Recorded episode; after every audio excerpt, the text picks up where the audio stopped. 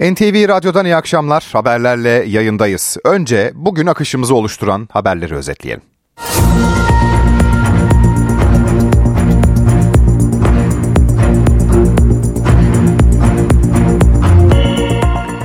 İstanbul'da taksi, servis ücreti ve toplu ulaşıma zam geldi. Zammı az bulan bir grup taksici belediye binasına girmek istedi, polis engel oldu. Taksicinin öfkesi manşetimizde olacak. İşçi emeklisi, memur emeklisi kadar zam alır mı? Hükümetin çalışması sürüyor. Masada hangi formüller var anlatacağız. AK Parti'nin İstanbul adayı Murat Kurum sahaya indi. CHP Murat Kurum üzerinden Cumhurbaşkanı Erdoğan'ı eleştirdi. İyi Parti'nin gündemi ise büyükşehir adayları. Partilerin seçim mesaisine bakacağız. Lise öğrencisini MIT'te iş yalanıyla kandırıp istismar eden ikisi okul müdürü 3 kişinin yargılandığı dava sonuçlandı. Konya'daki davanın karar duruşmasını anlatacağız. Ve tıp dünyasının manşeti. Amerikalı bilim insanları cilt kanserinin tedavisinde yeni bir yöntem geliştirdi. Çalışmanın temelini nanoteknoloji oluşturuyor. Kemoterapinin yerini alabilecek çalışmayı da uzmanlarından dinleyeceğiz. Birkaç başlık verdik ama 3 saat boyunca siyasetten ekonomiye, sağlıktan spora günün tüm başlıklarını mikrofona getireceğiz. Ben Ege Berk Kiraz, NTV Radyo'da akşam haberleri başlıyor.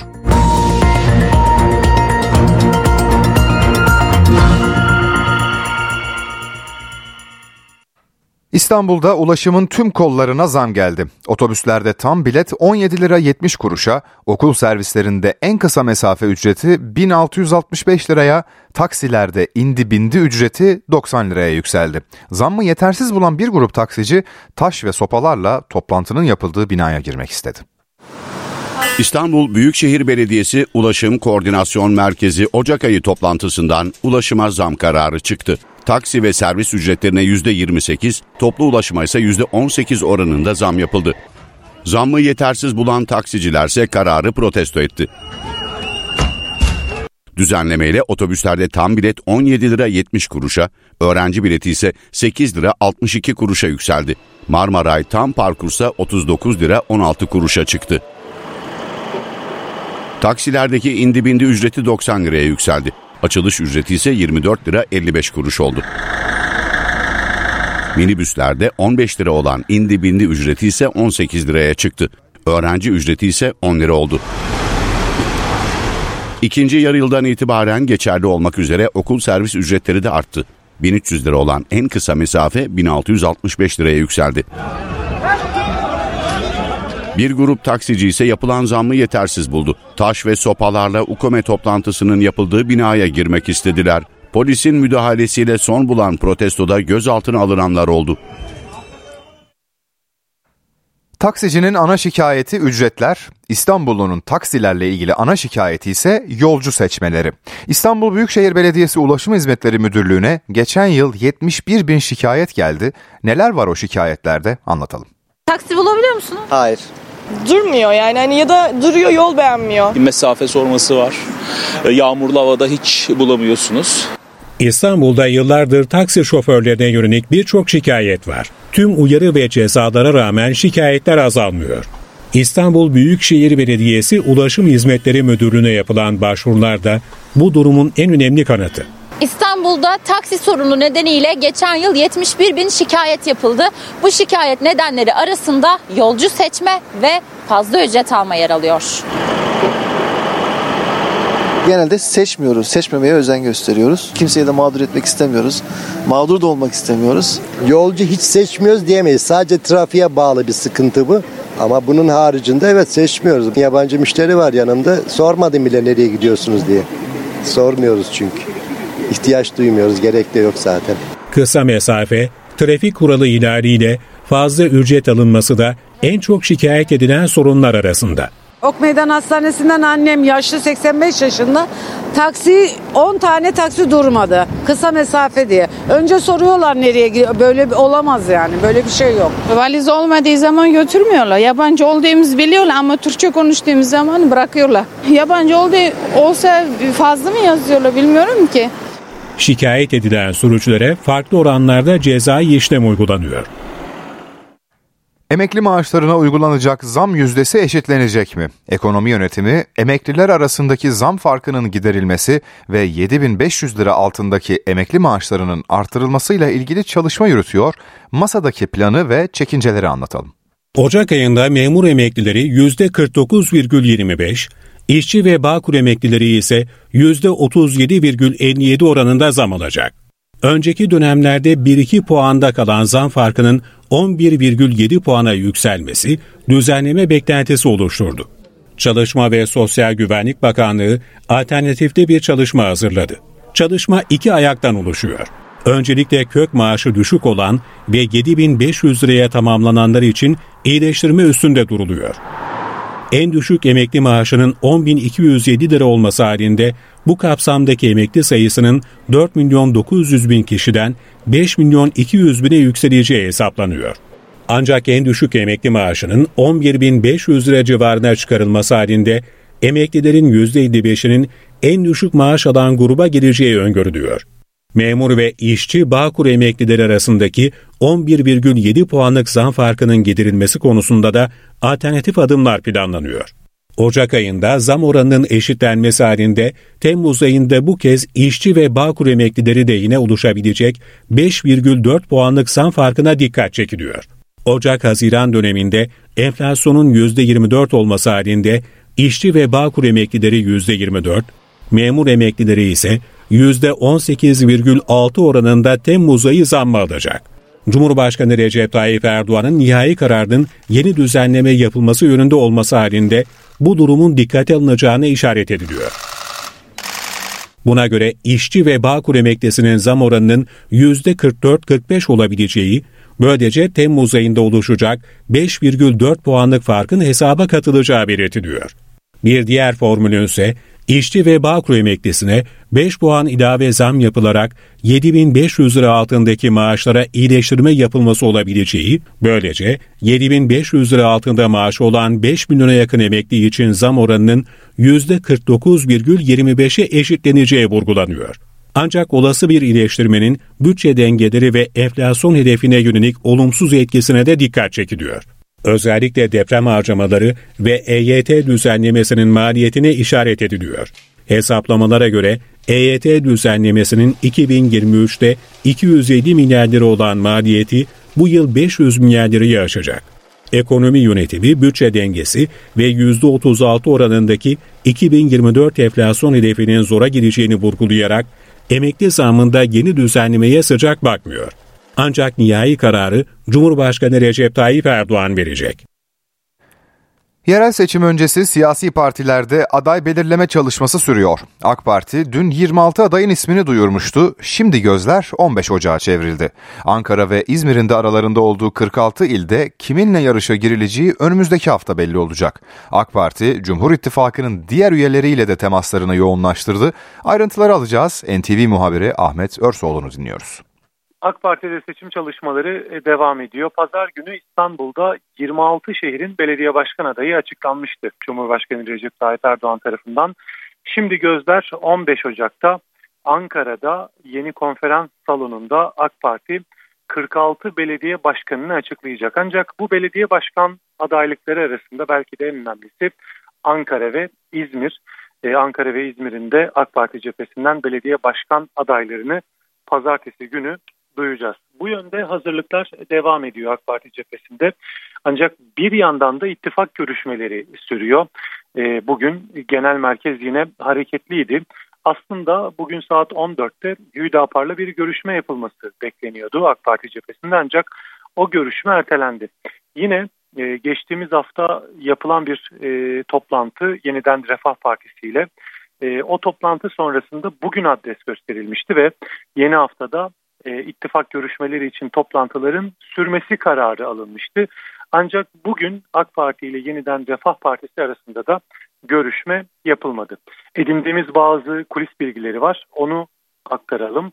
E, öncelikle yeniden Refah Partisi ile görüşmeler devam edecek. Cumhurbaşkanı Recep Tayyip Erdoğan e, burada devreye girebilir. Edindiğimiz bilgilere göre AK Parti ve yeniden Refah Partisi arasında ittifak görüşmeleri bu hafta tamamlanacak. AK Parti cephesi özellikle ilçe belediyeleri ve meclis üyelikleri üzerinden bir ittifak e, görüşmesi üzerinde bu yönde bir uzlaşı arıyor. Ancak yeniden Refah Partisi İstanbul, Ankara ve İzmir'de AK Parti adayını desteklemek için bir büyük şehirde kendi adaylarının desteklenmesini talep ediyorlar. Buna gerekçe olaraksa e, son seçimleri gösteriyorlar. E, Türkiye genelinde yeniden Refah Partisi 2.8'lik bir oy oranı yakalamıştı. İstanbul'daki durum göz önünde bulundurulduğunda e, bu oy oranı AK Parti cephesi için önemli görülüyor. Önümüzdeki süreçte bir ittifak olacak mı olmayacak mı bunu takip edeceğiz. 15 Ocak'ta AK Parti seçim beyannamesini de açıklayacak. 200 sayfalık seçim beyannamesi aslında şehirlerin güvenliği üzerine kurulu olacak. Özellikle deprem bölgesindeki şehirlere özel bir önem verildiğini de hatırlatalım. Hazırlıklar tüm hızıyla devam ediyor. Ankara'dan Ahmet Örsoğlu'nun notlarını dinledik. AK Parti'nin İstanbul Büyükşehir Belediye Başkan adayı Murat Kurum sahaya indi. Kurum, önceliğinin depreme hazırlık ve trafik sorununa çözüm olduğunu söyledi. AK Parti'nin İstanbul Büyükşehir Belediye Başkan adayı Murat Kurum seçim çalışmalarına başladı. Güne Eyüp Sultan Camii'nde sabah namazı kılarak başladı. Çıkışta vatandaşlara çorba dağıttı. Kurum, Fatih Sultan Mehmet'in türbesini ve eski İstanbul Büyükşehir Belediye Başkanı Kadir Topbaş'ın mezarını ziyaret etti. Ardından esnaf ve gençlerle bir araya geldi. Önceliğinin depreme hazırlık olacağını vurguladı. İstanbul'un deprem riskini bertaraf edecek adımları atacağız ve istiyoruz ki İstanbul'da tek bir riskli yapı kalmayana kadar çalışmaktır. Murat Kurum, İstanbul'un trafik sorununu çözmek için Ulaştırma Bakanlığı ile çalışmalar yapacağını belirtti. Trafik noktasında da çok önemli müjdelerimiz olacak. Orada bir şantiye başlıyorsak hemen hızlı bir şekilde orayı milletimize teslim edeceğiz. Bu anlayışla çalışacağız. İstanbul'da yaşamayı eziyet olmaktan çıkaracağız ki trafik bu manada önemli bir adımdır. Murat Kurum'un AK Parti'nin İstanbul Büyükşehir Belediye Başkan adayı olarak ilan edilmesinin ardından CHP'li rakibi Ekrem İmamoğlu sosyal medyadan değerlendirmede bulundu. İmamoğlu 5 yıl boyunca İstanbul'da yapılanları 16 milyon hemşerimle yine yaparız notunu paylaştı. Hayal satmıyoruz, yapa yapa yürüyoruz ifadelerini kullandı. Kamu bankalarını İstanbul yenileniyor seferberliğinde İstanbulluların yanında olmaya davet eden İmamoğlu, insan hayatının siyaseti olmaz dedi. Kiptaş'ın kamu bankalarıyla uyum içinde çalışmaya hazır olduğunu da dile getirdi. İstanbul için seçim yarışı hızlanırken CHP'de bu hafta 150'ye yakın belediye başkan adayının daha açıklanması bekleniyor. İyi Parti'de de aday belirleme süreci devam ediyor. Genel İdare Kurulu toplandı. Şimdi ayrıntıları alalım. Telefon attığımızda Ankara'dan Uğraş Bingöl var. Uğraş notların nedir? Cumhuriyet Halk Partisi çarşamba günü hem parti meclisini hem de Merkez Yönetim Kurulu'nu birlikte topluyor.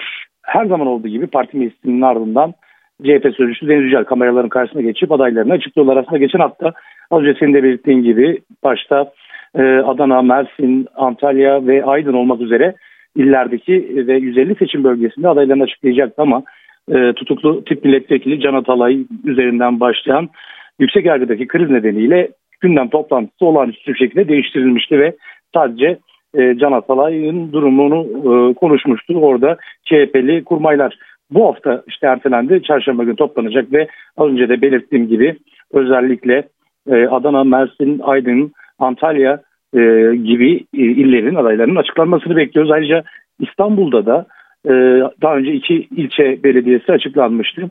AK Parti'nin elinde olan Cumhuriyet Halk Partisi'nin geçen seçimlerde çok az bir farkla kaybettiği 23 seçim bölgesinde de adayların açıklanmasını bekliyoruz. Özellikle bunun arasında Beyoğlu ve Üsküdar gibi merkezi yerler de var.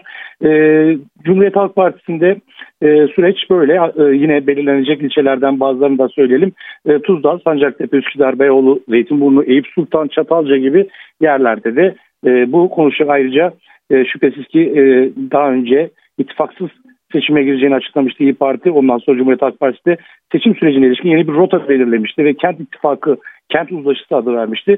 Bu konuda DEM Parti ile bir görüşme gerçekleşmişti. Bu görüşme e, ne olacak? E, e, iade ziyaret olacak mı? DEM Partisi'nden Cumhuriyet Halk Partisi'ne o da önümüzdeki günlerde bir karara bağlanacak. İyi Parti'de ise bugün genel idare kurulu toplantısı vardı. Yine gündemde aday belirleme süreci vardı. İyi Parti hafta önümüzdeki hafta sonu kampa girecek seçim stratejisini ve aday belirleme sürecini özellikle ele alacak hem Ankara hem İstanbul. Ama bugün 5 ilin e, adayı daha belirlendi. Antalya'da Nesrin Ünal, Manisa'da Gürhan Özcan, Samsun'da İmren Nilay Tüfekçi, Kayseri'de ise Kazım Yücel'i aday gösterme kararı aldı. Ama şüphesiz az önce belirttiğim gibi e, İstanbul ve Ankara'da adaylar ne zaman belli olacak? Onunla ilgili de CHP, e, özür dilerim İYİ Parti Sözcüsü Kürşat e, zorlu bir açıklama yaptı ve Ocak ayı içinde bu çalışmaların sonlanacağını söyledi ama hafta sonu gerçekleştirilecek o değerlendirme toplantısına Antalya'daki değerlendirme toplantısına dikkat çekti. Cumhuriyet Halk Partisi'de de İyi Parti'de de e, tamamen hem seçime hem seçim stratejisinden de aday belirleme sürecine e, yönelik çalışmalar kız kazanmış durumda ve bu her iki stratejide hem aday belirleme süreci de hem diğer süreçte eşgüdümlü şekilde devam ediyor. İyi Parti'de aslında isimleri geçen iki isim vardı. Bugün yeni aldığımız bilgilere göre özellikle Ankara'da e, Servet Avcı'nın ismi geçiyordu ama kaynaklar bunu tamamen yayın, e, yalanladılar. Ankara'da Servet e, Avcı ismi olmayacak. İstanbul'da ise e, Buğra Kavuncu e, aylardır konuşuluyordu ismi. Onlar için de çok bir net tavır geldi İYİ Parti'den. İstanbul'da da Buğra Kavuncu aday olmayacağını bize net bir şekilde aktardılar. NTV ekibinden Uğraş Bingöl Ankara'dan bildirdi. İstanbul Fatih'te yılbaşı gecesi arkadaşı tarafından başından vurulan 17 yaşındaki Melek Nur Özgener dün akşam hayatını kaybetti. Ailesi ve arkadaşları genç kızı son yolculuğa uğurladı. Katil Ercan Demir ise hala aranıyor. Arkadaşı tarafından başından vuruldu, sonra da hastaneye bırakıldı. Yoğun bakımda yaşam mücadelesi veren Melek Nur Özgener hayatını kaybetti. İstanbul Fatih'te gözyaşları içinde toprağa verildi. 17 yaşındaki Melek Nur Özgener yılbaşını kutlamak için kız arkadaşı Nisa A ve 32 yaşındaki Ercan Demir'le buluştu. İddiaya göre otomobilde otururken Demir silahını çıkarttı, iki arkadaşa doğrulttu. İddiaya göre seni mi vurayım yoksa seni mi dedi. Ardından da Özgener'i başından vurdu. Günlerdir yoğun bakımda yaşam mücadelesi veren 17 yaşındaki genç kız hayatını kaybetti. Melek Nur'u öldüren Ercan Demir'in 5 yıl önce cezaevine girdiği ve bir süre önce tahliye olduğu ortaya çıktı. Adalete sesleniyorum. Bırakmasınlar ne olursunuz. Benim başım yandı onların başı yanmasın. Bu çocuk uyuşturucu satıyor. Daha önce de bir kişiyi vurmuş. Cinayetin ardından kaçan Ercan Demir'in yakalanması için çalışmalar sürüyor. Konya'da 17 yaşındaki lise öğrencisinin MIT'te iş yalanıyla kandırıp istismar edilmesiyle ilgili dava sonuçlandı. İkisi okul müdürü 3 kişi hapse mahkum oldu ancak müdürler tahliye oldu. Karar duruşmasının ayrıntılarını paylaşalım. Konya'da 17 yaşındaki lise öğrencisinin istismara maruz bırakılmasıyla ilgili davada karar çıktı. Başarılı bir öğrenci olan GA geçen yıl önce okul müdürü tarafından seni MIT'e memur olarak alalım diyerek kandırıldı. Daha sonra MIT görevlisi olduğunu söyleyen Ahmet Mandal'la tanıştırıldı. Öğrenci elektrik ustası Mandal'ın cinsel saldırısına uğradı. Olayın ardından başlatılan soruşturmada Ahmet Mandal'ın yanı sıra okul müdürü Harun Avcı tutuklandı. Çocuğun ve Ahmet Mandal'ın dini nikahının kıyıldığı başka bir okulun müdürü Asuman Sahar Koleri de tutuklu yargılanıyordu. Konya'da görülen davanın 5. duruşmasında Ahmet Mandal'a cinsel istismar suçundan 22 yıl hapis cezası verildi. Okul müdürleri Harun Avcı ile Asuman Sahar Koleriye ise cinsel istismara yardım etme suçundan 8'er yıl 4'er ay hapis cezası verildi. Ancak iki sanık da tahliye edildi. Diğer sanıklardan Asuman Sahar Koleri'nin eşi dahil 3 kişi beraat etti. İstismarcı Ahmet Mandal'ın ortağı Ali Akkaş'a da 8 yıl 4 ay hapis cezası verildi. 2023 yılı sonlarında %50'leri bulan TL mevduat faizinde gerileme var. 3 aylık oran %40'lara kadar indi. Peki düşüş sürer mi? Önce faizlerde son durumu verelim, sonra da uzmanların yorumlarını dinleyelim. Bankalar mevduat faizlerini düşürmeye başladı. Merkez Bankası'nın ard arda faiz artışına gitmesi sonrası TD vadeli mevduat faizleri arttı. Yılın son haftasında ortalama faiz %52'nin üzerine çıktı. Özellikle döviz dönüşümlü, kur korumalı mevduattan dönenlere yüksek oranlar sunuldu. TR'den mevduat açanlara 3 aya kadar vadeli de %47-48 düzeyinde faiz önerildi. Yılın ilk haftasında ise faizler %40'lara kadar geriledi. Aslında kredi tarafındaki sıkıntı olduğunu düşünüyorum. Türkiye'de belki de çok da görmeye alışık olmadığımız bir durum var şu anda bankacılık sisteminde. Sistemdeki mevduatın toplamı krediden fazla. Sistem şöyle çalışıyor. Sizden aldığı mevduatı ve size taahhüt ettiği bir faiz ödeyerek aldığı o mevduatı başka bir yatırımcıya kredi olarak kullandırması lazım. Uzmanlara göre bankalar yılın son haftasında mevduat yarışına girdi. Bu nedenle oranlar yükseldi. Yılbaşı öncesinde bankaların bir mevduat yarışı olur.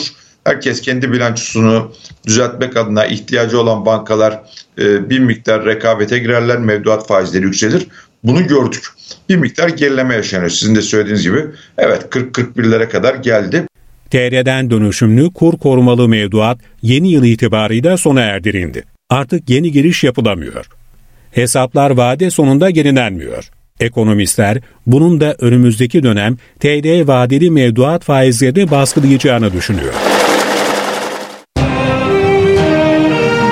NTV Radyo İsrail Gazze saldırılarını sürdürme konusunda kararlı. Savaşta 94 gün geride kalırken İsrailli askeri yetkililerden Gazze'de savaşın bütün yıl süreceği açıklaması geldi. İsrail basını ise Hamas'ın lider kadrosundan olası hedefleri yazdı. Gazze'de savaş dördüncü ayına girerken İsrail saldırıları aralıksız sürüyor. İsrail'den savaşın bitmeyeceğine dair açıklamalar geliyor. Başbakan Benjamin Netanyahu haftalık kabine toplantısında 7 Ekim'de olanların bir daha asla tekrarlanmayacağını söyledi. Bu hükümetimin vaadi. Bu nedenle askerler savaş alanında can veriyor. Kesin zafere kadar devam etmeliyiz dedi. Askeri istihbaratın eski başkanı Tüm General Amos Yadin'den de savaşın bütün yıl süreceğine dair açıklama geldi. Yadin, İsrail'in 2002'de iki yıl süren Batı Şeria operasyonunu örnek gösterdi. Gazze'de savaşın Hamas'ın direnme gücüne bağlı olarak 9 ay ila 1 sene süreceğini söyledi. Yadin, uluslararası koalisyonun DAEŞ operasyonlarına da gönderme yaptı. Musul ve Rakka, yeraltı tünelleriyle güçlendirilmiş değildi. Üstelik koalisyonda 85 ülke vardı dedi. Genelkurmay Başkanı Herzi Halevi'den de İsrail'in bütün yıl Gazze'de savaşta olacağı açıklaması geldi. Açıklamaların Amerika Birleşik Devletleri Dışişleri Bakanı Anthony Blinken'ın ziyaretinden hemen önce gelmesi dikkat çekti. Blinken ise Orta Doğu turunun Katar ayağında Filistinlerin evlerde dönmesi gerektiği mesajı verdi. Filistinliler Gazze'yi terk etmeye zorlanamaz dedi. Amerikan yönetimi ayrıca İsrail'den savaş sonrasına ilişkin daha ayrıntılı plan bekliyor. İsrail'in hedefinde Hamas'ın lider kadrosu var. Politbüro'nun iki numarası Sari Aruri'ye geçen hafta Beyrut'ta saldırı düzenlenmişti.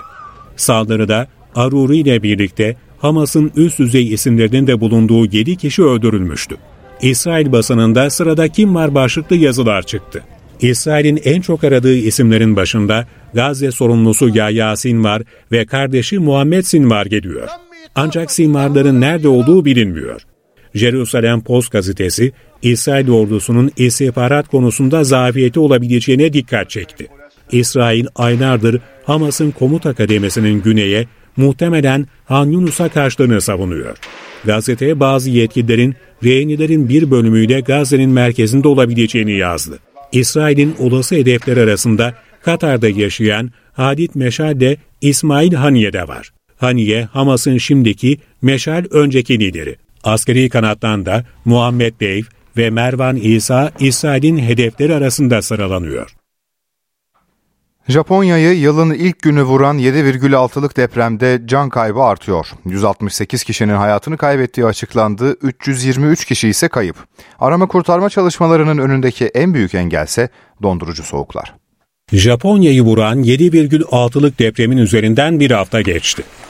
Halen 300'ü aşkın kişiye ulaşılamadı. Bölgede başlayan kar yağışı arama kurtarma çalışmalarına engel oluyor. Depremin meydana geldiği Ishikawa eyaleti yoğun kar yağışının etkisi altında.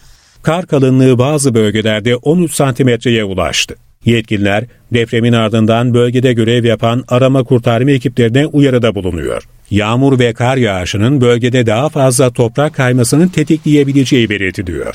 Depremden bu yana yollardaki hasar nedeniyle 2300 kişiyle temas kurulamadı. Depremden etkilenen bölgelere yardım malzemelerinin ulaştırılmasında da güçlük yaşanıyor.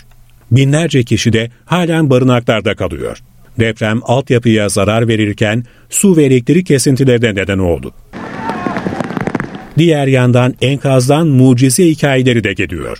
Depremden en çok etkilenen Suzu'da 90'lı yaşlarında bir kadın 124 saat sonra yeniden hayata tutundu. Bölgedeki arama kurtarma çalışmalarında iki katlı bir evin enkazında yaşam sinyaline ulaşıldı.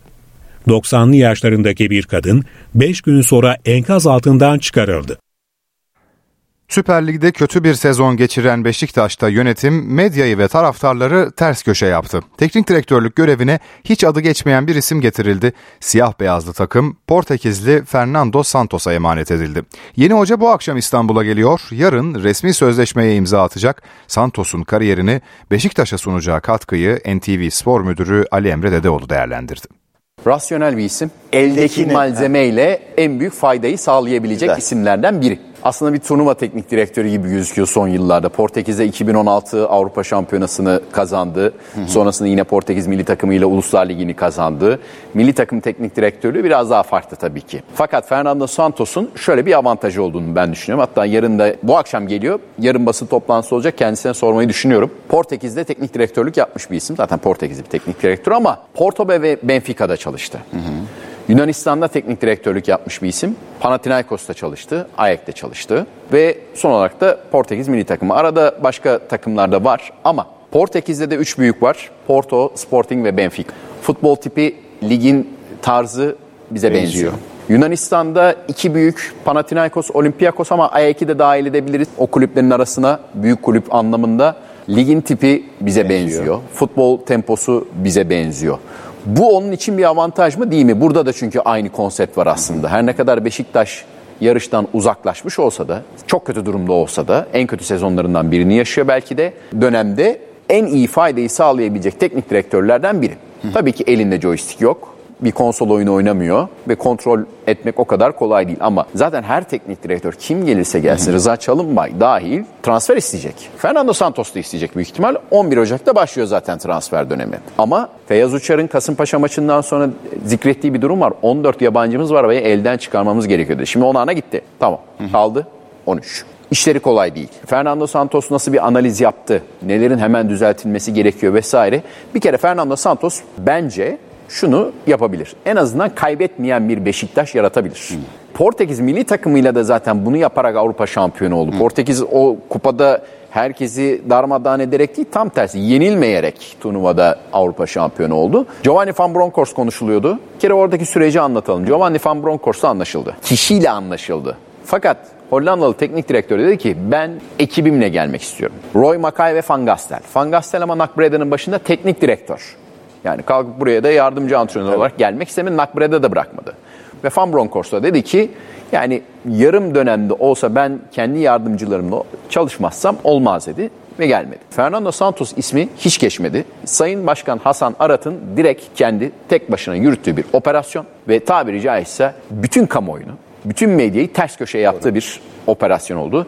Ya şahsen hiç beklemiyordum bu ismi. Hı hı. Yani şöyle bir havuza baksak acaba Fernando Santos'u görür müyüz? Olabilir mi? Ya bir kıvılcım, bir dedikodu, bir rivayet de mi olmaz? Olmadı. Ki Giovanni Van Bronckhorst ismi de bu arada Türkiye'den ve Beşiktaş'tan çıkmadı. Hollanda basınından Anladım. çıktı.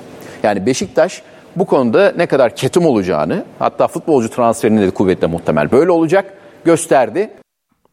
Amerikalı bilim insanları kanser tedavisiyle ilgili ses getiren bir çalışmaya imza attı. Yöntem cilt kanserinin tedavisiyle ilgili laboratuvar çalışmalarında %99 oranında başarı sağlandı. Işık hüzmeleri moleküler kırıcılar gibi kullanılıyor. Kanser hücreleri titreşimle yok ediliyor. Amerika Birleşik Devletleri'nin Rice Üniversitesi araştırmacıları cilt kanserlerine karşı kemoterapiye alternatif bir tedavi geliştirdiklerini açıkladı.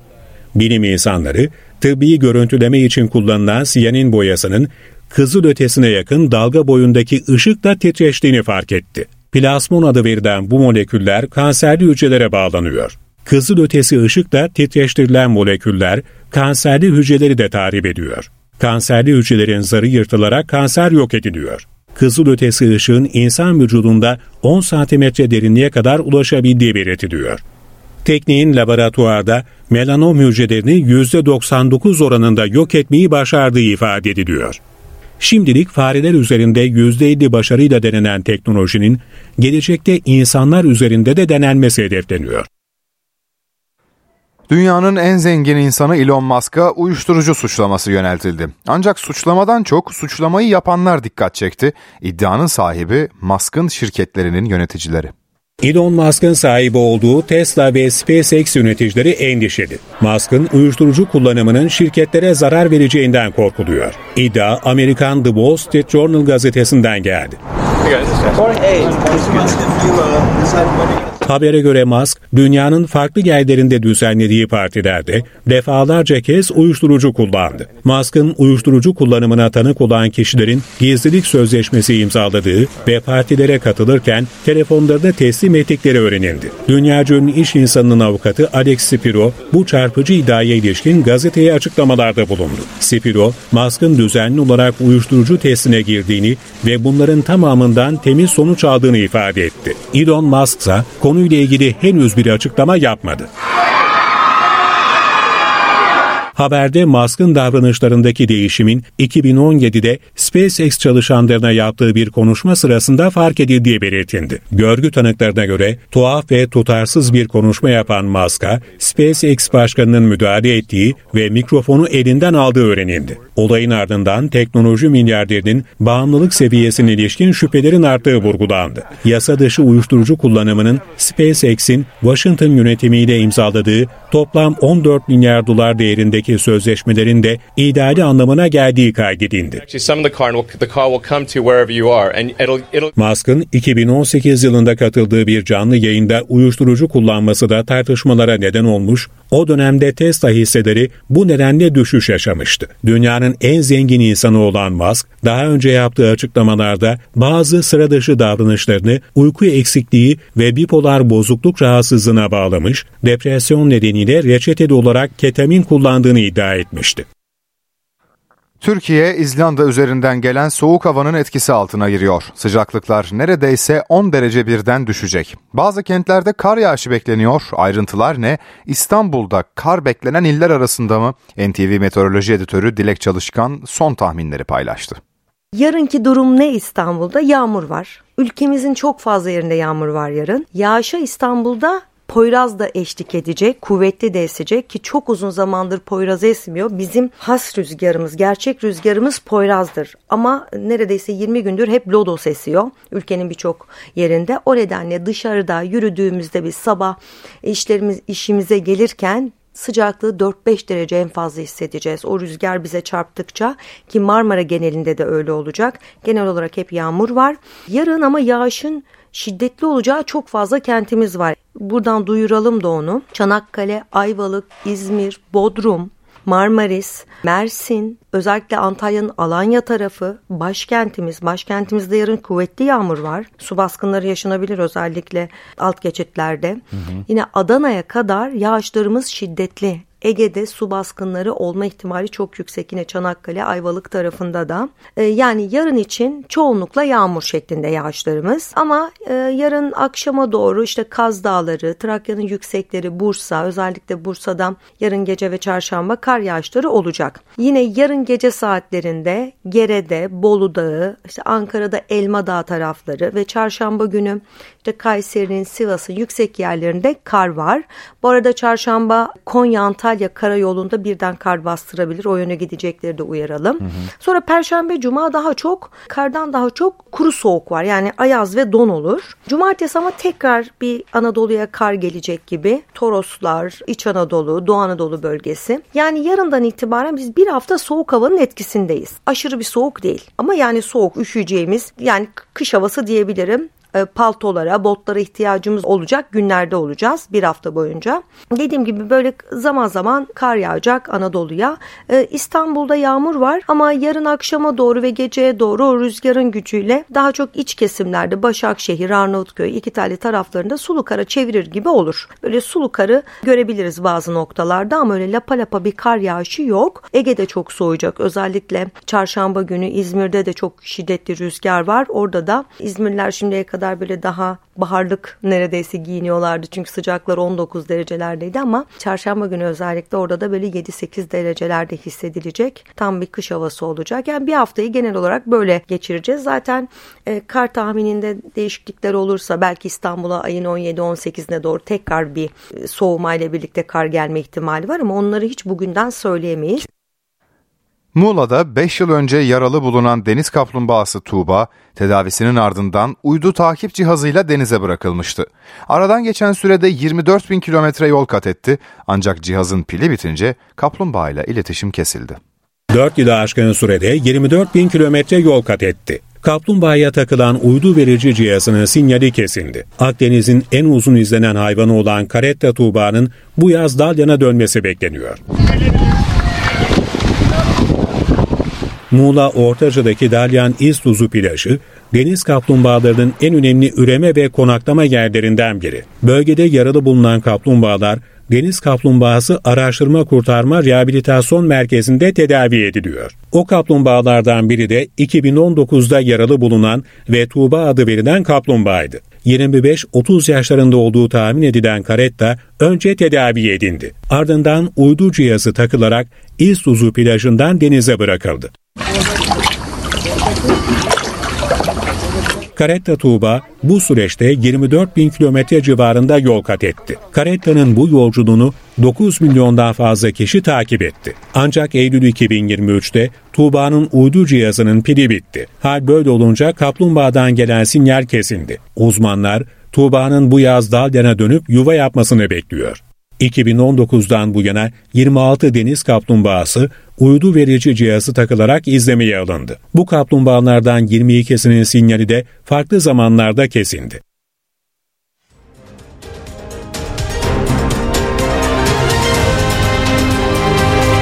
NTV Radyo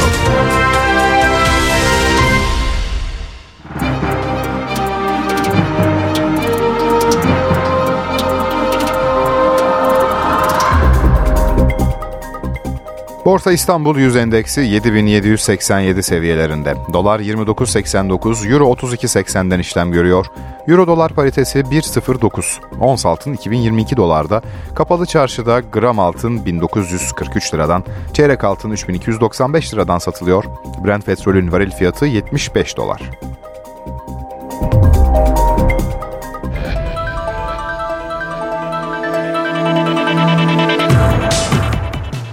Fenerbahçe ile Galatasaray Süper Lig'in zirvesinde yoluna kayıpsız devam ediyor. Ezeli rakipler üst üste 7 haftayı da aynı puanda tamamladı. Şu an biz bu ligin lideriyiz. Avantaj kimde? Bizde. Psikolojik üstünde kimde? Bizde. Fenerbahçe ile Galatasaray'ın puan puana zirve mücadelesi devam ediyor. Galatasaray şampiyon yapmak için e, elimizden gelen her şeyi yapacağız. Ezeli rakipler 7 haftadır aynı puanda. Liderlik koltuğunda artı 8 averajla Fenerbahçe oturuyor. Bu ligin sonuna kadar gidebileceğini düşünüyorum. İç sahada özellikle yükselişimiz devam ediyor. Dış sahada da kazanarak yine e, en üstteki liderlik hesabımızı e, devam ettirmek istiyoruz. İki takımı yalnızca averaj ayırıyor. Zirvenin ortakları 18 maçın yalnızca 3'ünde puan kaybetti. Birer yenilgi ve ikişer beraberlikleri var. Fenerbahçe ve Galatasaray'a rakip olan takımların teknik direktörlerine göre bu iki takım farklı bir seviyede. İki takımın da gerçekten hem bütçe olarak hem kadro olarak gücü, e, temposu, Avrupa'da oynadığı maçlar ve ligde oynadığı maçlarla beraber çok hazır ve fit durumda olmaları bizim için bir dezavantaj oldu. Zor bir maç olacağını biliyorduk ama sahada bu kadar yok olacağımızı ben düşünmemiştim.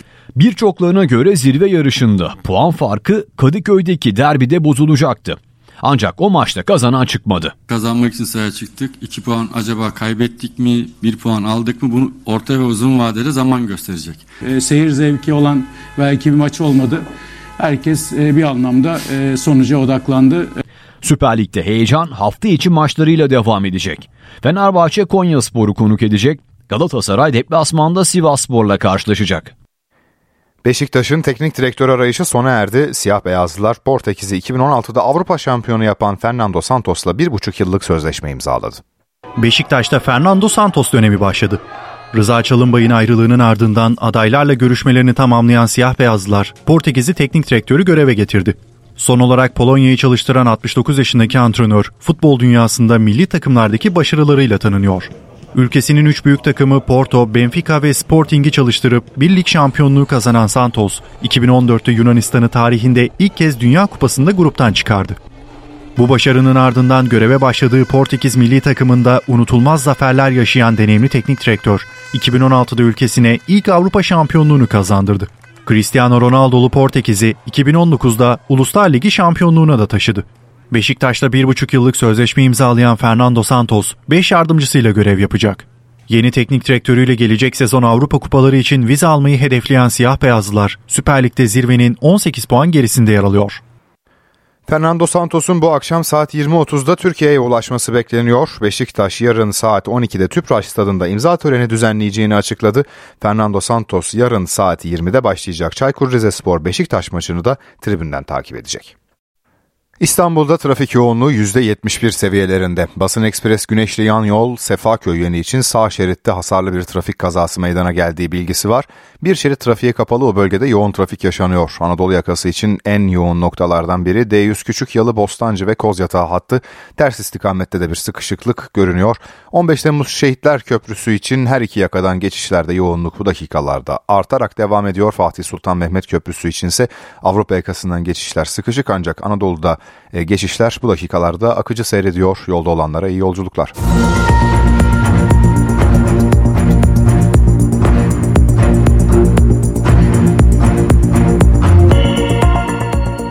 NTV Radyo'da gelişmeleri aktarmayı sürdürüyoruz. Emekli maaşlarına uygulanacak zam yüzdesi eşitlenecek mi? Ekonomi yönetimi emekliler arasındaki zam farkının giderilmesi ve 7500 lira altındaki emekli maaşlarının artırılmasıyla ilgili çalışma yürütüyor. Ocak ayında memur emeklileri %49,25, işçi ve bağkur emeklileri ise %37,57 oranında zam alacak. Önceki dönemlerde 1-2 puanda kalan zam farkının 11,7 puana yükselmesi düzenleme beklentisi oluşturdu. Çalışma ve Sosyal Güvenlik Bakanlığı alternatifte bir çalışma hazırladı. Çalışma iki ayaktan oluşuyor. Öncelikle kök maaşı düşük olan ve 7500 liraya tamamlananlar için iyileştirme üstünde duruluyor. En düşük emekli maaşının 10.207 lira olması halinde bu kapsamdaki emekli sayısının 4 milyon 900 bin kişiden 5 milyon 200 bine yükseleceği hesaplanıyor. Ancak en düşük emekli maaşının 11.500 lira civarına çıkarılması halinde emeklilerin %55'inin en düşük maaş alan gruba gireceği öngörülüyor. Memur ve işçi Bağkur emeklileri arasındaki 11,7 puanlık zam farkının giderilmesi konusunda da alternatif adımlar planlanıyor.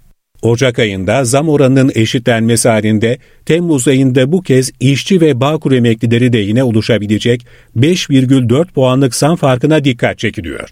Ocak-Haziran döneminde enflasyonun %24 olması halinde işçi ve Bağkur emeklileri %24, memur emeklileri ise %18,6 oranında Temmuz ayı zammı alacak.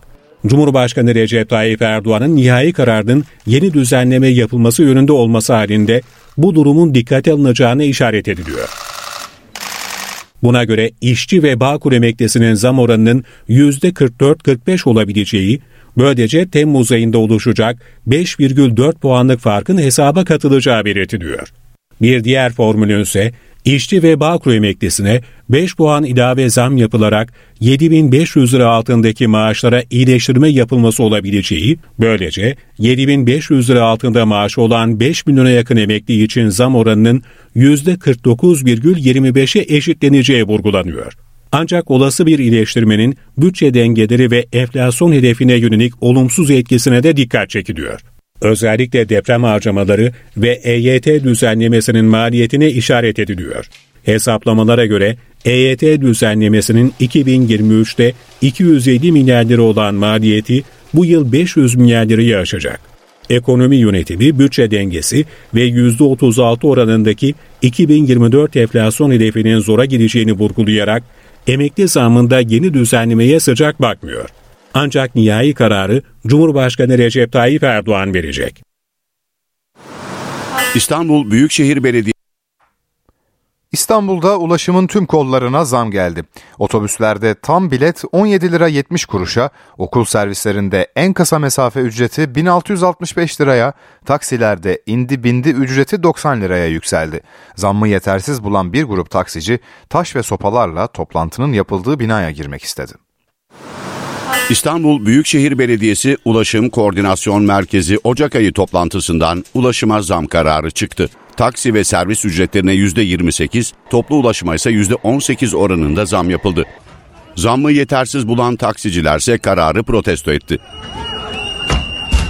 Düzenlemeyle otobüslerde tam bilet 17 lira 70 kuruşa, öğrenci bileti ise 8 lira 62 kuruşa yükseldi. Marmaray tam parkursa 39 lira 16 kuruşa çıktı. Taksilerdeki indi bindi ücreti 90 liraya yükseldi. Açılış ücreti ise 24 lira 55 kuruş oldu. Minibüslerde 15 lira olan indi bindi ücreti ise 18 liraya çıktı. Öğrenci ücreti ise 10 lira oldu. İkinci yarı yıldan itibaren geçerli olmak üzere okul servis ücretleri de arttı. 1300 lira olan en kısa mesafe 1665 liraya yükseldi. Bir grup taksici ise yapılan zammı yetersiz buldu. Taş ve sopalarla UKOME toplantısının yapıldığı binaya girmek istediler. Polisin müdahalesiyle son bulan protestoda gözaltına alınanlar oldu. AK Parti'de belediye başkanlarının ilan edilmesi sürecinde ilk viraj dönüldü. Gözler önümüzdeki haftaya çevrildi. 15 Ocak'ta 46 ilde hangi adaylarla yarışa girileceği duyurulacak. Bir yandan da Cumhur İttifakı içinde temas trafiği sürüyor. İstanbul dahil 26 belediye başkan adayını açıklayan AK Parti'de gözler 15 Ocağı çevrildi. Önümüzdeki hafta pazartesi günü aralarında Ankara ve İzmir'in de olduğu kalan illerin adayları tanıtılacak. İlçe belediye başkan adaylarının tanıtımları ise sonraya bırakılacak. Aynı programda seçim beyannamesi de açıklanacak. Beyanname 8 başlıktan oluşacak. 200 sayfalık metinle güvenli ve dirençli şehirler, hizmet icraat belediyeciliği, sosyal belediyecilik ve kültür bölümleri olacak. Deprem bölgesine ise ayrı bir parantez açılacak. AK Parti'de ittifak görüşmeleri de sürüyor. NTV'nin edindiği bilgilere göre AK Parti, Hüdapar ve Yeniden Refah Partisi ile görüşmeleri bu hafta bitirmeyi planlıyor. İddiaya göre Yeniden Refah Partisi İstanbul, Ankara ve İzmir'de AK Parti adayını desteklemek için büyük şehirlerden birinde destek bekliyor. AK Parti cephesi ise ilçe belediyesi veya meclis üyelikleri üzerinden uzlaşı arayışında. Yeniden Refah Partisi temsilcileri ise son seçimlerde alınan %2,8 oranındaki oylarının İstanbul seçimleri için kritik olduğu görüşünde.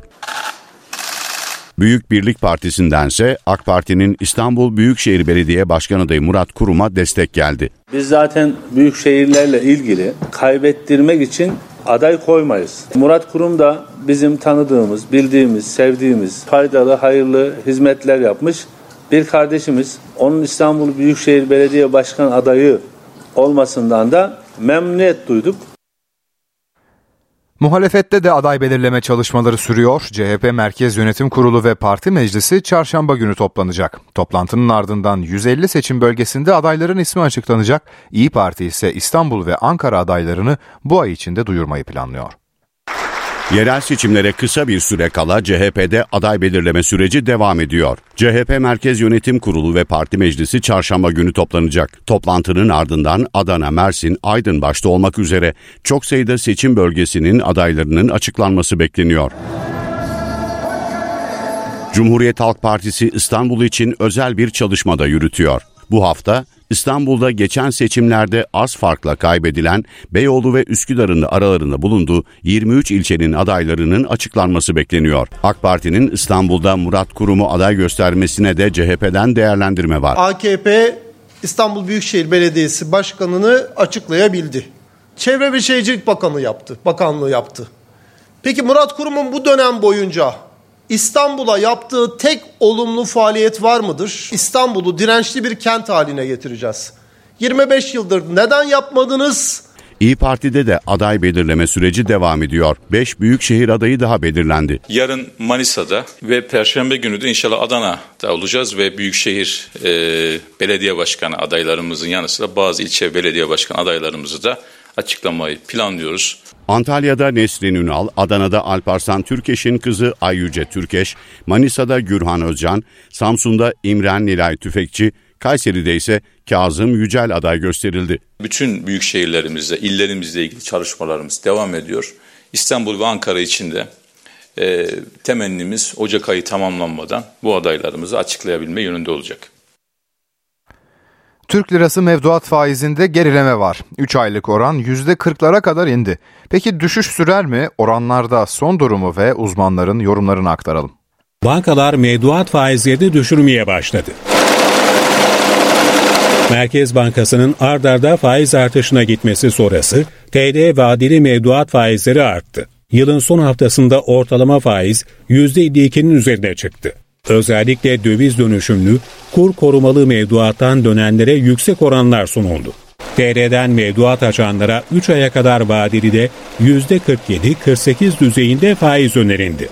Yılın ilk haftasında ise faizler %40'lara kadar geriledi. Aslında kredi tarafındaki sıkıntı olduğunu düşünüyorum. Türkiye'de belki de çok da görmeye alışık olmadığımız bir durum var şu anda bankacılık sisteminde. Sistemdeki mevduatın toplamı krediden fazla. Sistem şöyle çalışıyor. Sizden aldığı mevduatı ve size taahhüt ettiği bir faiz ödeyerek aldığı o mevduatı başka bir yatırımcıya kredi olarak kullandırması lazım. Uzmanlara göre bankalar yılın son haftasında mevduat yarışına girdi. Bu nedenle oranlar yükseldi. Yılbaşı öncesinde bankaların bir mevduat yarışı olur. Herkes kendi bilançosunu düzeltmek adına ihtiyacı olan bankalar e, bir miktar rekabete girerler, mevduat faizleri yükselir. Bunu gördük. Bir miktar gerileme yaşanıyor. Sizin de söylediğiniz gibi. Evet 40-41'lere kadar geldi. TL'den dönüşümlü kur korumalı mevduat yeni yıl itibarıyla sona erdirildi. Artık yeni giriş yapılamıyor. Hesaplar vade sonunda yenilenmiyor. Ekonomistler bunun da önümüzdeki dönem TL vadeli mevduat faizlerini baskılayacağını düşünüyor. Otomotiv satışları yılın ikinci yarısında yükselen faizlere rağmen 2023'ü rekorla kapattı. Geçen yıl 1.2 milyon araç satıldı. Peki bu yıl ne bekleniyor? Sıfır ve ikinci el araç satışına dair öngörüleri otomotiv sektörü temsilcisi Alp Gülan'dan dinleyelim.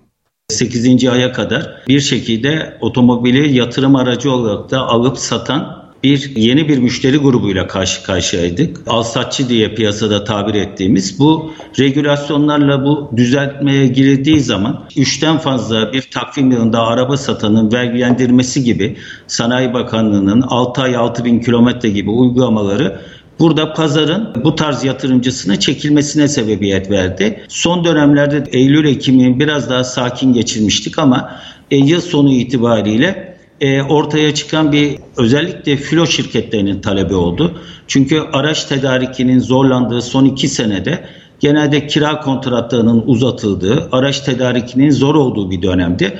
O dönemde de filo şirketleri istedikleri miktarda aracı bulamıyorlardı ve yıl sonu itibariyle Biraz parakendedeki fiyatın artışından önce araba almak isteyen müşteri grubumuz ihtiyaçtan biraz da filo şirketlerinin filo satışlarının artışıyla söylediğiniz gibi 1 milyon 232 bin 635 e, gibi tarihimizin en yüksek satışıyla tamamladık.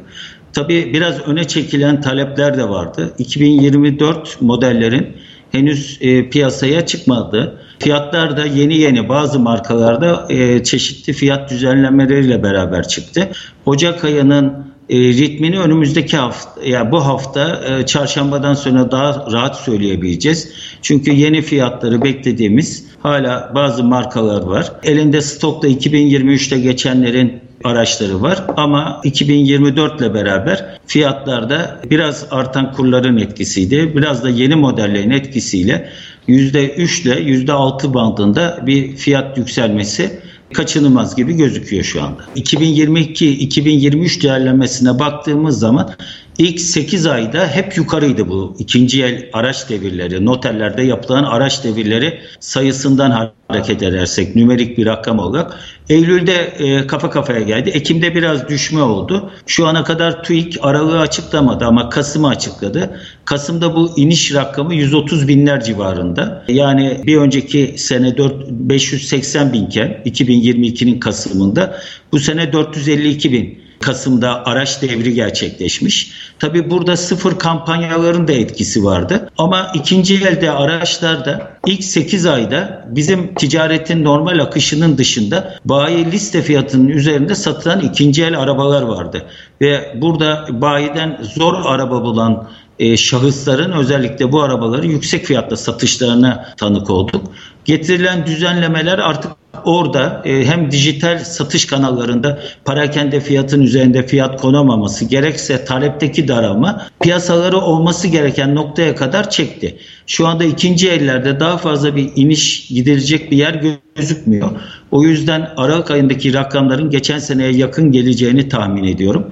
Ama önümüzdeki dönemde e, Türkiye'de ikinci el pazarı artık sıfır araba pazarına neredeyse 9 ile 10 katı gibi bir e, rakama oturdu. Tekrar e, satışlarda ikinci elde bir hareketlenme olacağını gözlemliyoruz. İstanbul Fatih'te yılbaşı gecesi arkadaşı tarafından başından vurulan 17 yaşındaki Melek Nur Özgener dün akşam hayatını kaybetti. Ailesi ve arkadaşları genç kızı son yolculuğa uğurladı. Katil Ercan Demir ise hala aranıyor. Arkadaşı tarafından başından vuruldu, sonra da hastaneye bırakıldı. Yoğun bakımda yaşam mücadelesi veren Melek Nur Özgener hayatını kaybetti. İstanbul Fatih'te gözyaşları içinde toprağa verildi. 17 yaşındaki Melek Nur Özgener yılbaşını kutlamak için kız arkadaşı Nisa A ve 32 yaşındaki Ercan Demir'le buluştu. İddiaya göre otomobilde otururken Demir silahını çıkarttı, iki arkadaşa doğrulttu. İddiaya göre seni mi vurayım yoksa seni mi dedi. Ardından da Özgener'i başından vurdu. Günlerdir yoğun bakımda yaşam mücadelesi veren 17 yaşındaki genç kız hayatını kaybetti. Melek Nur'u öldüren Ercan Demir'in 5 yıl önce cezaevine girdiği ve bir süre önce tahliye olduğu ortaya çıktı. Adalete sesleniyorum. Bırakmasınlar ne olursunuz. Benim başım yandı onların başı yanmasın. Bu çocuk uyuşturucu satıyor. Daha önce de bir kişiyi vurmuş. Cinayetin ardından kaçan Ercan Demir'in yakalanması için çalışmalar sürüyor. İstanbul'da çete savaşları iki ateş arasında kalan 15 yaşındaki Büşra Polat'ın ölümüne neden olmuştu. Bu olayın ardından 7 ilde başlatılan büyük operasyonda iki çete çökertildi, ele geçirilen silahlar sergilendi. 15 yaşındaki Büşra Polat, iki çete arasındaki çatışmanın ortasında kalmış, serseri bir kurşun onu hayattan koparmıştı. Polat'ın ölümüne neden olan çetelerden ele geçirilen silahlar İstanbul Organize Suçlarla Mücadele Şube Müdürlüğü'nde sergilendi. İstanbul merkezli 7 ilde düzenlenen Kafes 29 operasyonunda 61 şüpheli yakalanmıştı. Zanlılara ait adreslerde 32 tabanca, 6 uzun namlulu silah ve bir otomatik tabanca ele geçirilmişti. 30 Aralık'ta aralarında husumet olan çete üyelerinin seyir halindeki araçlardan birbirlerine açtığı ateşte ailesiyle evine giden 15 yaşındaki Büşra Polat başına aldığı kurşunla hayatını kaybetmişti. Saldırganlar 2 Ocak'ta da kendilerini yakalamaya çalışan polislere de ateş açmıştı. İçişleri Bakanı Ali Yerlikaya 5 Ocak'ta yaptığı açıklamada zanlıların yakalandığını duyurmuştu. Yurt dışında kırmızı bültenle aranan Volkan Reçber'le halen cezaevinde olan Arap Emrah lakaplı Emrah Sever'in elebaşılığını yaptığı iki çetenin uzun süredir kavgalı olduğu, bu süreçte dört cinayet işlendiği ortaya çıkmıştı. Zanlıların anlaşmazlık yaşadığı kişilere yönelik tehdit ve silahlı saldırı eylemleri gerçekleştirdikleri, uyuşturucu kaçakçılığı yaptıkları tespit edilmişti. NTV Radyo Avrupa'nın en büyük ekonomisi Almanya'da hükümetin bütçedeki açığı azaltmak için tarımsal sübvansiyonları azaltacağını duyurmasına çiftçilerden tepki var. Geçtiğimiz günlerde Berlin'de protesto düzenleyen çiftçiler bugün de traktörlerle yolları kapatarak ülke çapında bir hafta sürecek eyleme başladı.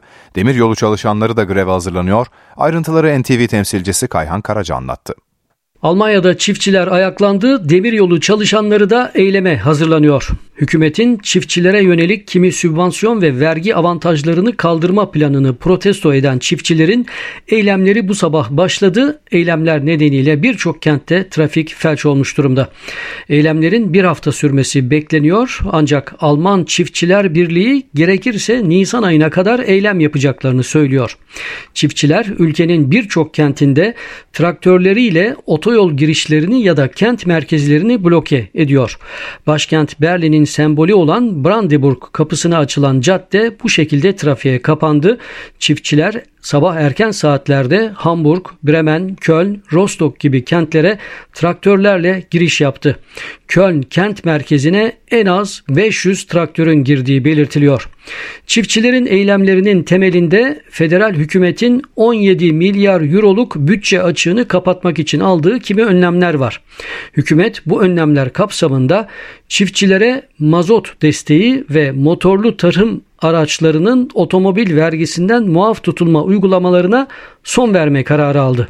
Çiftçiler Aralık ayında bu kararları protesto etmiş, hükümetin geri adım atmaması halinde uzun çaplı eylemlere gideceklerini ilan etmişti. Hükümet çiftçilerin de geri adım atmaması üzerine mazot desteğini tek bir kalemde değil 2026'ya kadar kademeli olarak sonlandıracağını, tarım araçlarının da otomobil vergisinden muaf tutulmaya devam edileceğini açıkladı. Ancak kamuoyu desteğine sahip çiftçi birlikleri tüm reformun geri çekilmesini talep ediyor. Bu arada demir yollarında da makinistler maaşlara zam talebiyle bu hafta çarşamba gününden itibaren greve gidecek. Alman ekonomisinin ekonomik krizle boğuştuğu bir döneme denk gelen tüm bu sosyal eylemlerin Avrupa Parlamentosu seçimlerine 6 ay kala anketlerde yükselişte olan aşırı sağcı partilere yarayacağı yorumları yapılıyor. Kayhan Karaca, NTV Radyo, Strasbourg. İngiltere'de ise 4 gün sürmesi beklenen metro grevleri son dakikada iptal edildi. Demiryolu Sendikası Londra Belediye Başkanı Sadık Kan'ın finansman teklifi için kaynak bulmasının ardından grevin başlamasına 20 dakika kala eylemi askıya aldı. Kan makul olanı yaptığını savunarak hükümeti sendikalara karşı düşmanca bir yaklaşım sergilemekle suçladı. Londra Ulaşım Biriminde çalışanlara enflasyonun altında %5'lik bir teklif yapılmıştı.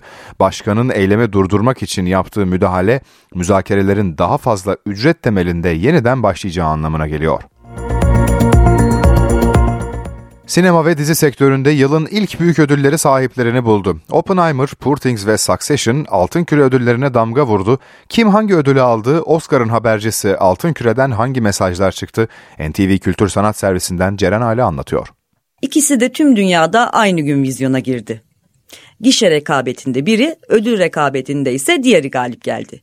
Barbie ve Oppenheimer, dünyanın tabiriyle Barbenheimer yine birlikte anılmaya devam ediyor. 81. Ee, Altın Küre ödüllerinde de e, bu sefer gişede olduğu gibi Barbie değil Oppenheimer zirvede yer aldı. Film tam 5 ödül aldı.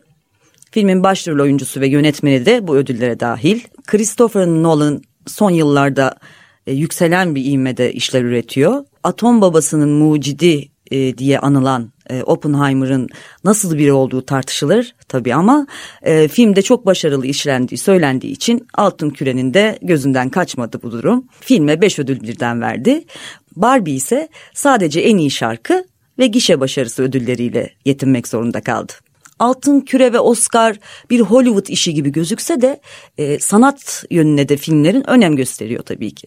Barbie bu anlamda bir e, feminist manifesto gibi adlandırılsa da bir gişe filmi. Dolayısıyla Oppenheimer'ın işlenişi sanat yönünden daha yüksek bir e, profilde oluşu e, Altın Küre'de beş ödül almasına e, hak kazanmasına yol açtı diyebiliriz. Martin Scorsese imzalı Dolunay Katilleri yönetmenin başyapıtlarından biri olarak gösteriliyor.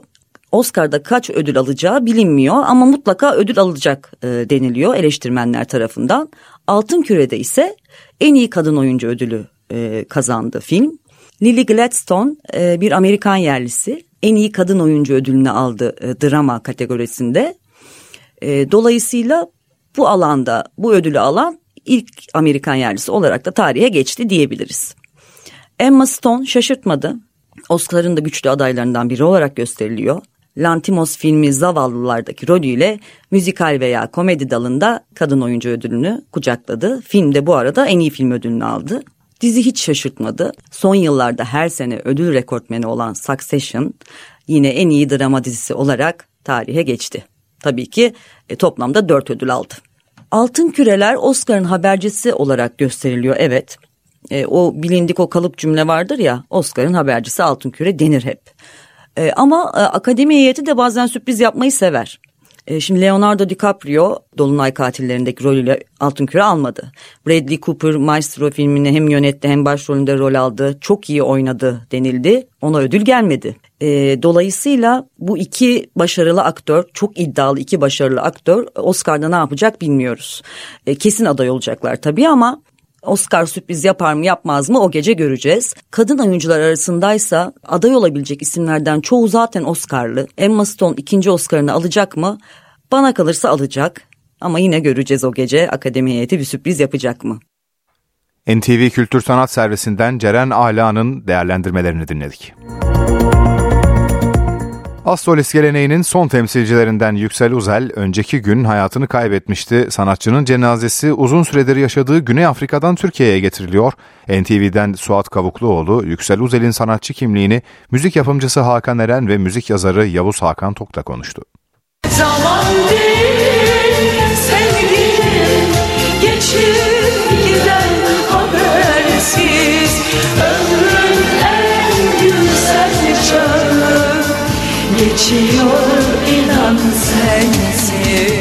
Yüksel Üzel ilk müzik eğitimini Devlet Klasik Türk Müziği Korosu'nda alıyor 70'li yılların ortasında ve Nevzat Atlı yönetimindeki Devlet Klasik Türk Müziği Korosu'nda klasik Türk müziği eserleri seslendiren koristlerden birisi oluyor. Bir taraftan da müzik eğitimi almış oluyor bu sayede.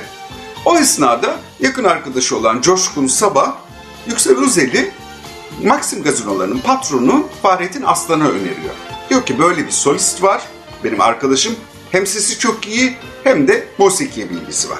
Fahrettin Aslan da Yüksel Üzel'i dinliyor ve Yüksel Üzel 1978 yılında Maxim gazinolarında az solist olarak sahneye çıkmaya başlıyor. Ve 80'li yıllar boyunca popüler bir az solist olarak hem sahne programları hem yaptığı albümler hem de televizyon programlarıyla ülkenin sevilen yüzlerinden biri oluyor. O eski az solist geleneğinden gelen, Türk müziği bilgisi olan, Türk müziği tavrı ve tarzı olan e, isimlerden biriydi.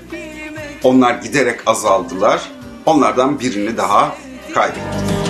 Olmaz kadar çok güzel Sevgisi sana yeter Yok yok deyip bir haber şeye bak Gerçekten sahneye çok yakışan güzel icra eden, yorumculuğu, güzelliği, her şey, güzel giyinmesine kadar her şeyle muhteşem son dönem en başarılı az solistlerden bir tanesiydi. 82 yılında ilk albümünü yaptı. Güzel bir Türk sanat müziği yapmıştı. Bir gülü öptüm, bir seni öptüm. Fakat 80'li yıllarda Yıldırım Gürses'le birlikte başlayan çok sesli Türk sanat müziğinin aslında en iyi parlayan az solistlerinden bir tanesiydi. Solistlerinden bir tanesiydi. Biri Sen Mesana'ydı, diğeri de Yüksel Güzel'di aynı çatı altındaydı. İnanılmaz güzel bir başarı yakaladı. Aynı çatı altında aşkımız bir yalanmış. Aynı çatı altında aşkımız bir yalanmış. Dönüp Solistliğin zirvesindeyken geçirdiği hastalık, anevrizma hastalığı dolayısıyla e, müzikten uzaklaşmak zorunda kaldı. 2010 yılında geldiği zaman e, tanışma, yüz yüze tanışma şansım olmuştu. Beraber Fikret Şeneş'in evine gitmiştik. Fikret Hanım'ı karşı inanılmaz bir saygısı ve sevgisi vardı. Fikret Hanım'ın evine gitmiştik. Onunla hasret gidermişlerdi. Sadece bir gecelik özel bir gecede Kuruçeşme Arena'da şarkı söylemişti. İyi bir solisti, iyi bir az solisti ve en önemlisi herkesin yazdığı gibi gerçekten iyi bir insandı.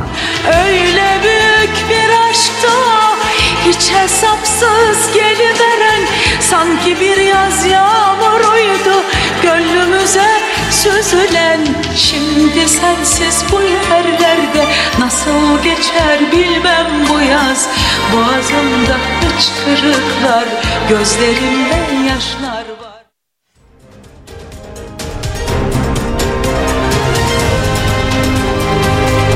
NTV Radyo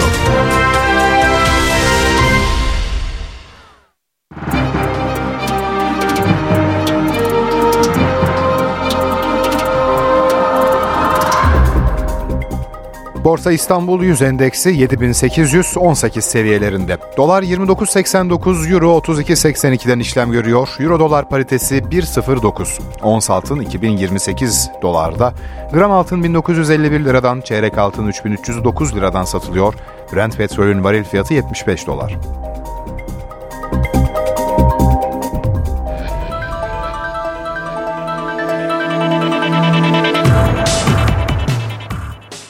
Trendyol Süper Lig'in 19. haftası tamamlandı. Dün oynanan karşılaşmalarda Fenerbahçe İstanbul Sporu 5-1 ile Galatasaray Konya Sporu 3-0 ile geçti. Sivas Sporsa deplasmanda Kayseri Sporu 3-1 mağlup etti. Zirvede durum değişmedi. Fenerbahçe ve Galatasaray 47'şer puanla ilk iki sırayı aldı. Trabzonspor ve Kayseri Spor ise 3 ve 4. sıradaki yerini korudu. Beşiktaş Kasımpaşa mağlubiyetinin ardından 6. sıraya geriledi. Bu sezon 4 takımın küme düşeceği ligde Samsun Spor, Karagümrük, Pendik Spor ve İstanbul Spor ateş hattında bulunuyor. Süper Lig heyecanı 16. hafta erteleme maçlarıyla yarın devam edecek. Eski Fenerbahçe Kulübü Başkanı Aziz Yıldırım kulüp başkanlığıyla ilgili herhangi bir çalışmasının olmadığını bildirdi. Aziz Yıldırım yaptığı yazılı açıklamada Fenerbahçe'nin başkanlık seçimine müdahil olma kararı aldığı ve Saadettin Saran'ın listesinde yer alan bazı isimlerle görüştüğüne yönelik iddiaların gerçeği yansıtmadığını belirtti. Fenerbahçe başkanlığıyla ilgili herhangi bir çalışmam olmadığı gibi Saadettin Saran'ın listesinde yer alan hiç kimseyle de irtibat kurmadım açıklamasını yaptı. Fenerbahçe'deki stoper arayışında Leonardo Bonucci'nin ismi öne çıktı. Sarı lacivertliler İtalyan savunmacıyı kadrosuna katmak için çaba sarf ediyor. İlk olarak Atletico Madrid'den Stefan Savic ile görüşen yönetim, Karadağlı oyuncunun yüksek maaş beklentisi nedeniyle diğer adaylara yöneldi. Sarı lacivertliler Union Berlin'den Leonardo Bonucci'nin şartlarını öğrenmek için temas kurdu. 36 yaşındaki stoper sezon sonu bitecek sözleşmesinde bir yıl uzatma opsiyonu bulunsa da kariyerine Almanya'da devam etmek istemiyor. Beşiktaş yeni teknik direktörüne kavuşuyor. Siyah beyazlıların anlaşmaya vardığı Fernando Santos bu akşam saat 20.30'da Türkiye'de olacak. Beşiktaş yarın saat 12'de Tüpraş stadında imza töreni düzenleyecek. Fernando Santos yarın saat 20'de başlayacak Çaykur Rizespor Beşiktaş maçını da tribünden takip edecek. Teknik direktör Marius Şumudika hastaneye kaldırıldı. Gaziantep kulübü Rumen teknik adamın durumunun iyi olduğunu duyurdu. Açıklamada geçtiğimiz hafta geçirmiş olduğu rahatsızlığın ardından şehrimize gelen Şumudika son günlerde artan şikayetleri üzerine yeniden tedavi altına alınmıştır denildi. Rumen teknik adamın durumunun iyiye gittiği de belirtildi. Şumudika 5. haftada Gaziantep'in başına geçmişti. Kırmızı Siyahlılar ligde 14. sırada. NTV Radyo'da Haber ve Hayat var. Hayat var.